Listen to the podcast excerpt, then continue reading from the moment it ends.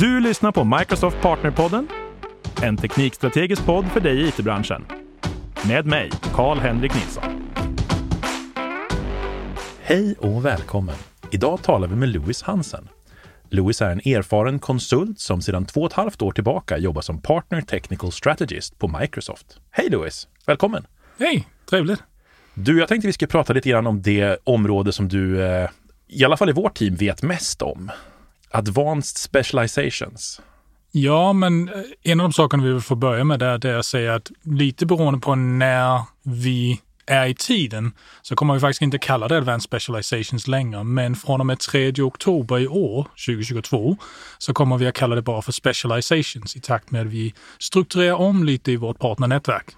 Just det, det kommer lite uppdateringar där. Det har varit otroligt spännande att se förenklingen som har kommit kring många av våra kompetenser som nu går över att bli designations och hur vi försöker strömlina processen lite mer för att uppnå dem och vad det då leder till som nästa steg med specializations. Det här är redan det mest enterprise avsnittet vi har spelat in i den här podden. Ja, jag vad vi kan.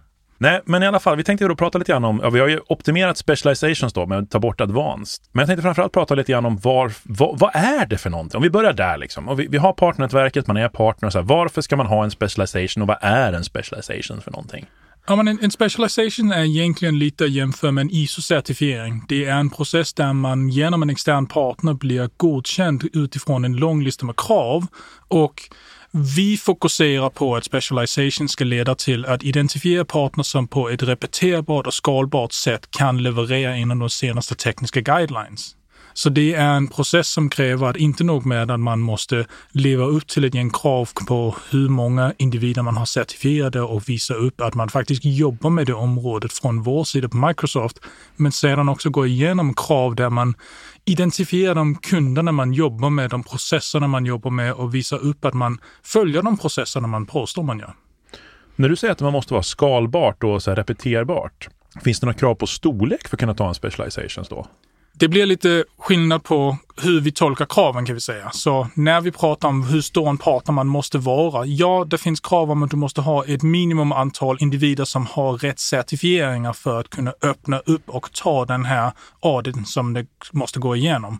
Det finns också ett konsumtionskrav om hur mycket man måste jobba med de olika tjänsterna.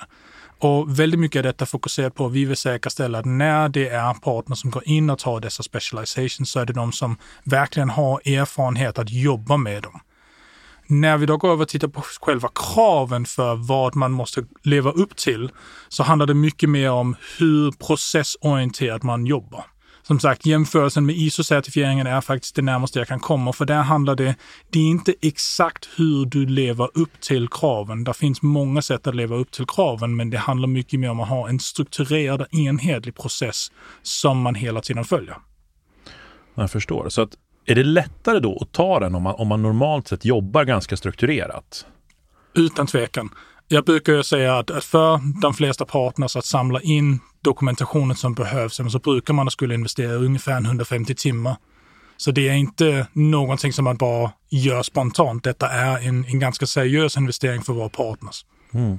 Men kanske också då i så fall att om man har ett, om man är duktig på någonting men känner att man skulle kunna göra det lite mer strukturerat, så kanske det också kan vara ett bra sätt att faktiskt i samband med att man gör det här jobbet och samlar in då de processer och de kompetenser som behövs liksom för att genomföra det. Kan det vara en vettig tanke? Eller tror du att det är omöjligt om man, det, måste man liksom göra en genomlysningsarbete innan man börja försöka? Jag rekommenderar ju absolut att det är någonting som man går in i med, med öppna ögon om man är medveten om vilka krav det är man måste leva upp till. Som sagt, det är en process där man måste investera en del tid och är man villig att göra det så blir det jätteförmånligt att komma ut på andra sidan. För även när man ser bort ifrån ja, men de möjligheterna som kommer av att vara en specialized partner så har man också plötsligt en väldigt tydlig dokumentation att visa upp för sina kunder på att ja, men vi har faktiskt levt upp till de riktlinjerna som finns inom detta område.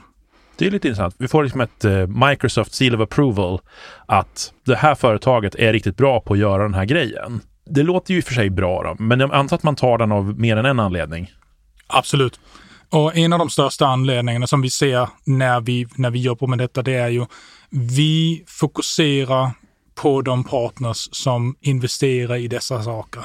Det är de partners där vi vet att vi utan tvekan kan vända oss till dem och rekommendera kunder att jobba med dem och de kommer få ett bra resultat. Det leder också till att det är de partners som vi har valt att begränsa flera av våra investeringsmöjligheter till. Så vi har till exempel ett program som heter Azure Migration and Modernization Program, där vi hjälper kunder med att få investering för deras migration eller modernisering till Azure. Och därför att man som partner ska kunna gå in och nyttja detta programmet och få investeringar från Microsoft måste ha en specialization. Okej, okay. det är skitdrygt och det är svårt och det tar tid, men det finns tydligen fördelar. Det är det du försöker säga om man ska sammanfatta det här. Absolut. Jag brukar ju slå väldigt mycket på att fördelen är att man gör det tydligt för sig själv. Hur ligger vi till när vi jobbar med våra kunder? För många av våra partners är detta inte en fråga om, om de redan gör rätt, men om de dokumenterar att de gör rätt och kan visa upp den dokumentationen. Det här låter ju bra. Kan man ta en advanced specialization om i princip vad som helst? Jag menar, jag jobbar inom App Innovation. Jag vet att det finns inom DevOps. Jag vet att det finns inom Modernization, att det finns inom Cloud Native. Men jag antar att det är en, en helt batteri av advanced specialization som finns. Så vi har våra specializations inom våra huvudområden kan man säga. Så vi har dem inom Azure, där vi täcker både infrastruktur, eh, nätverk och modernization som du nämnde där. Vi har också inom våra modern work partners, så där vi tittar mycket på adoption and change management och hur man integrerar den typen av lösningar. Sen har vi inom våra Dynamics och inom våra, eller rättare sagt våra business applications ska vi ju kalla det. Och vi har inom våra säkerhetslösningar.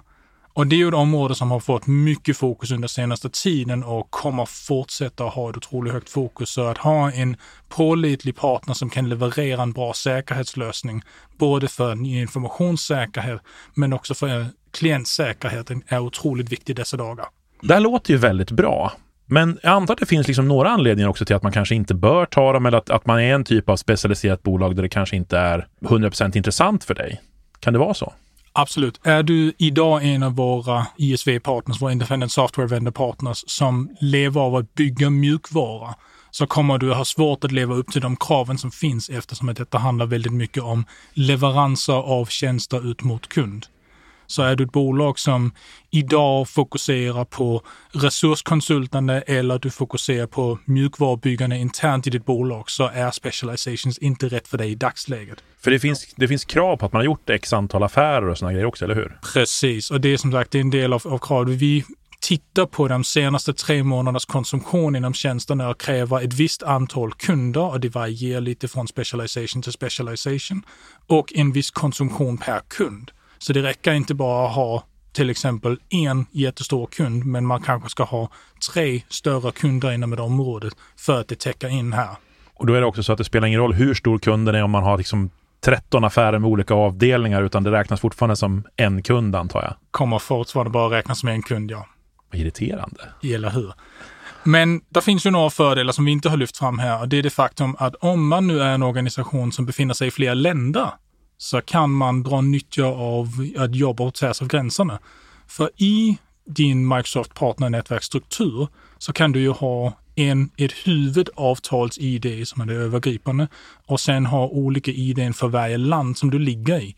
Och skulle det vara så att du är placerad i till exempel både Danmark, Norge och Sverige och du inom Sverige väljer att investera tid i att ta en sån här specialization, så om du har din struktur korrekt på plats så kommer du också automatiskt att låsa upp den här fördelen både i Danmark och i Norge. Så man kan egentligen också då tänka sig att man jobbar gemensamt över landsgränserna för att ta de här? Ja men precis. Vi, vi har faktiskt exempel på partners som har haft rätt konsumtion och rätt kunder i ett land och rätt dokumenterad process i ett annat och har jobbat tillsammans över ländergränserna för att leva upp till de här kraven och sen låsa upp fördelarna för alla länderna. Intressant. Du nämnde ju tidigare också ISV som inte har de här möjligheterna, de här. Finns det andra saker som de kan göra för att visa liksom att de har de här kompetenserna och så vidare? Där de, ja, att de lever upp till våra högt ställda krav? I dagsläget är vi lite mer begränsade på det området. Med våra förändringar i hur vi kommer räkna våra competencies över till designation så kommer det vara lite fler möjligheter för våra ISV-partners. Men traditionellt sett så har det varit väldigt services-inriktat eh, område detta här. Så här nu vill jag säga avvakta lite och håll ögonen på vilka uppdateringar som kommer ut på vårt partnernätverkssida. Många referenser till Partner Center på senaste avsnitten. Hmm.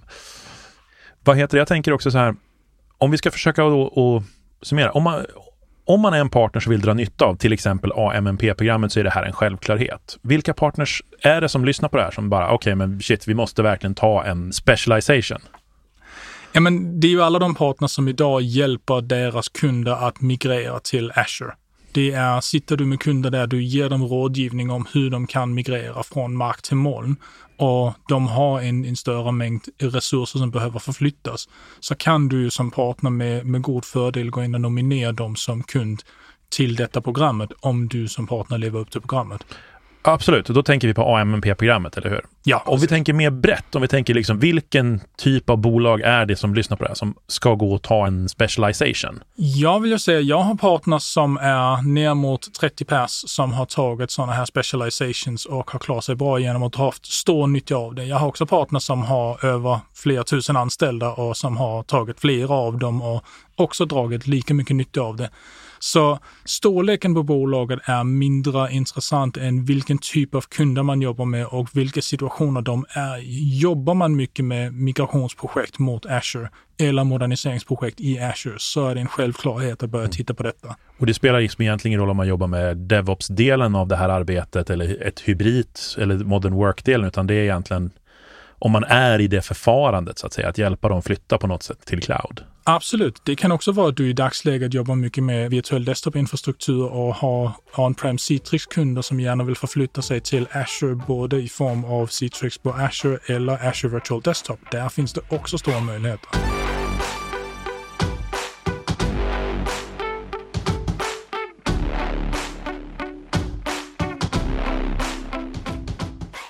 Du nämnde ju lite kort att det kommer att ske lite förändringar på på partnerområdet. Vi kommer få någonting som kallas för designations. Jajamensan. Så i dagsläget har vi ju våra cloud competencies där vi erbjuder både silver och guld medlemskap när man har nått upp till de kraven som finns. Primärt pratar vi ju om ett utbildningskrav, det vill säga antalet certifierade individer.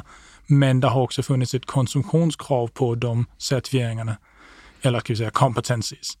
Nu från och med den 3 oktober så kommer vi att gå över i en ny struktur där de 18 befintliga competencies blir ersatt av 6 designations. Och dessa designations kommer då i stor grad att motsvara och överlappa de befintliga områden. Men vi kommer att göra en förändring i hur vi räknar att man som partner lever upp till dessa kraven. Så den viktigaste förändringen blir att vi kommer att titta på både nya kunder som man drar in på lösningsområdet, konsumtion som dessa kunder har på lösningsområdet och sen hur mycket kompetens och utbildning man själv har internt inom lösningsområdet.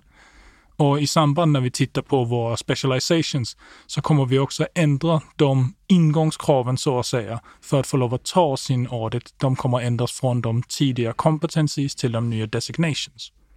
Det är ett poängsystem som implementeras, eller hur? Jajamensan. Vi går från ett, ska vi säga, allt eller inget system till att vi nu kommer ha en eh, poänggradering som går från 0 till 100. Och den viktiga delen där för våra partners är att veta att du måste ha minst ett poäng i varje område för att kunna leva upp till kraven. Så det räcker inte att man har alla de utbildade individerna om man inte har konsumtionen eller andra vägen runt. Man måste vara lite mer allround kanske kan man kan säga med de nya designations då, eller? Ja, men det är, det är viktigt att man håller sig uppdaterad och att man har koll på främst vilka kunder man har och att man visar upp att de kommer in i systemen och registreras som kunder man aktivt jobbar med. För om jag förstår det rätt, så det här kommer börja gälla från oktober 2022? Ja. Vad händer egentligen då? För om du har ett guldpartnerskap idag och sen så kommer det här i oktober, är det liksom bara cold turkey, nu är det det här nya eller vad är det som händer? Så det vi vet i dagsläget, som vi kan säga med säkerhet, det är att från och med 30 september så blir det inte längre möjligt att ta de befintliga competencies. Fram till och med 30 september så är det dock möjligt.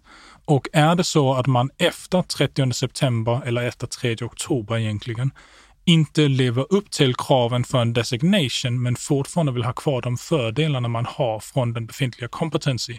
Du får ju ett antal licenser som du kan använda internt i din organisation bland annat. Så kan man fortfarande betala för att ha kvar dessa. Och det vi kan säga tills vidare är att det är en möjlighet som kommer att ligga de kommande åren framåt. Så vill man inte ta dessa designations, men vill man gärna behålla sina fördelar från sina competencies, så kan man fortsätta köpa dessa licenser till ett motsvarande rimligt pris. Okej, okay, det är ganska intressant ändå att, att man kommer fortsätta ha den möjligheten så att man ska säga att det blir inte Ja, för det är ganska snabbt påkommet ändå. Det är direkt nu i oktober. För att vara oss, får vi väl ändå säga, så är det ganska snabbt. Ja, men det är sant. Och det är också därför det har varit så viktigt att informera alla våra partner så tidigt som möjligt. Så vi har gått ut med den här informationen den 16 mars. Och den samma dag blev det möjligt inne i Partner Center att gå in och titta på hur man ligger till i poängsystemet jämfört med de nya designations. Så in och kolla i Partner Center, se hur ni ligger till, vilka områden som ni behöver styrka upp. Och sen är den viktiga delen är att vi särskiljer en hel del nu på fördelarna som man får från, ska vi säga, de interna licensmöjligheterna som du får från competencies. Du kommer också få motsvarande på dina designations, men för de som inte vill, som sagt, så blir möjligheten att man köper kvar sina fördelar från sina competencies. Och när vi då tittar på, ja, men varför ska vi då över på designations? Jo, som sagt, de som vill jobba mot specializations, då blir det ett krav. Men det blir också ett krav om man vill visa upp sina färdigheter i till exempel de annonseringarna man har på AppSource och Azure Marketplace.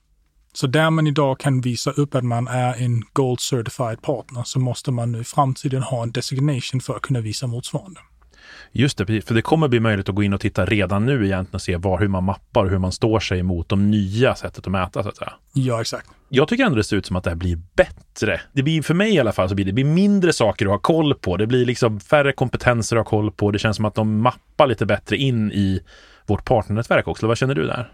En av de sakerna som vi verkligen vill uppnå med detta här, det är ju att förenkla hur strukturen ser ut. För när vi har 18 olika kompetenser idag så kan det vara svårt att veta vad som egentligen täcker vad och vilka krav man ska leva upp till. Så nu när vi har ett färre antal designations på väg så vill vi säkerställa att det blir enklare för både partner och kunder att veta vad betyder detta och hur lever man upp till dessa kraven. Ja, precis. Och jag tänker också egentligen för de kunderna som sen ska anlita de här partners, att också att det kanske är ganska bra om, om det är lite bredare. Data AI till exempel, som är jag vet, en av de nya designations, den är kanske lite lättare om man inte riktigt exakt vet vad det är man är ute efter, men man behöver hjälp med någon form av BI AI-driven process. Exakt. Om man tycker att det här låter intressant då, vart går man in för att läsa mer? Är det bara Partnercenter och så finns allting där, eller? Egentligen ja. Du har all information om huruvida du lever upp till kraven för specializations inne i Partner Center, så börja där. Och har du några frågor så är det ju ett ypperligt tillfälle att ställa dem i kommentarsfälten på denna podcasten. Om man inte lyssnar på Spotify eller någonting då, då får man gå in på LinkedIn eller någonting antar jag? Absolut. Vi har ju en fantastisk partnergrupp på LinkedIn där man kan gå in och ställa frågor eller man kan hitta oss på vår öppna partner Yammer. Stort tack för att du kom hit idag Louis och pratade lite grann om Advanced Specializations och de förändringar till vårt partnernätverk som kommer. Tack så mycket. Du har lyssnat på Microsoft Partnerpodden med mig, Karl-Henrik Nilsson. Som vanligt hittar du information och resurser på aka.ms partnerpodden.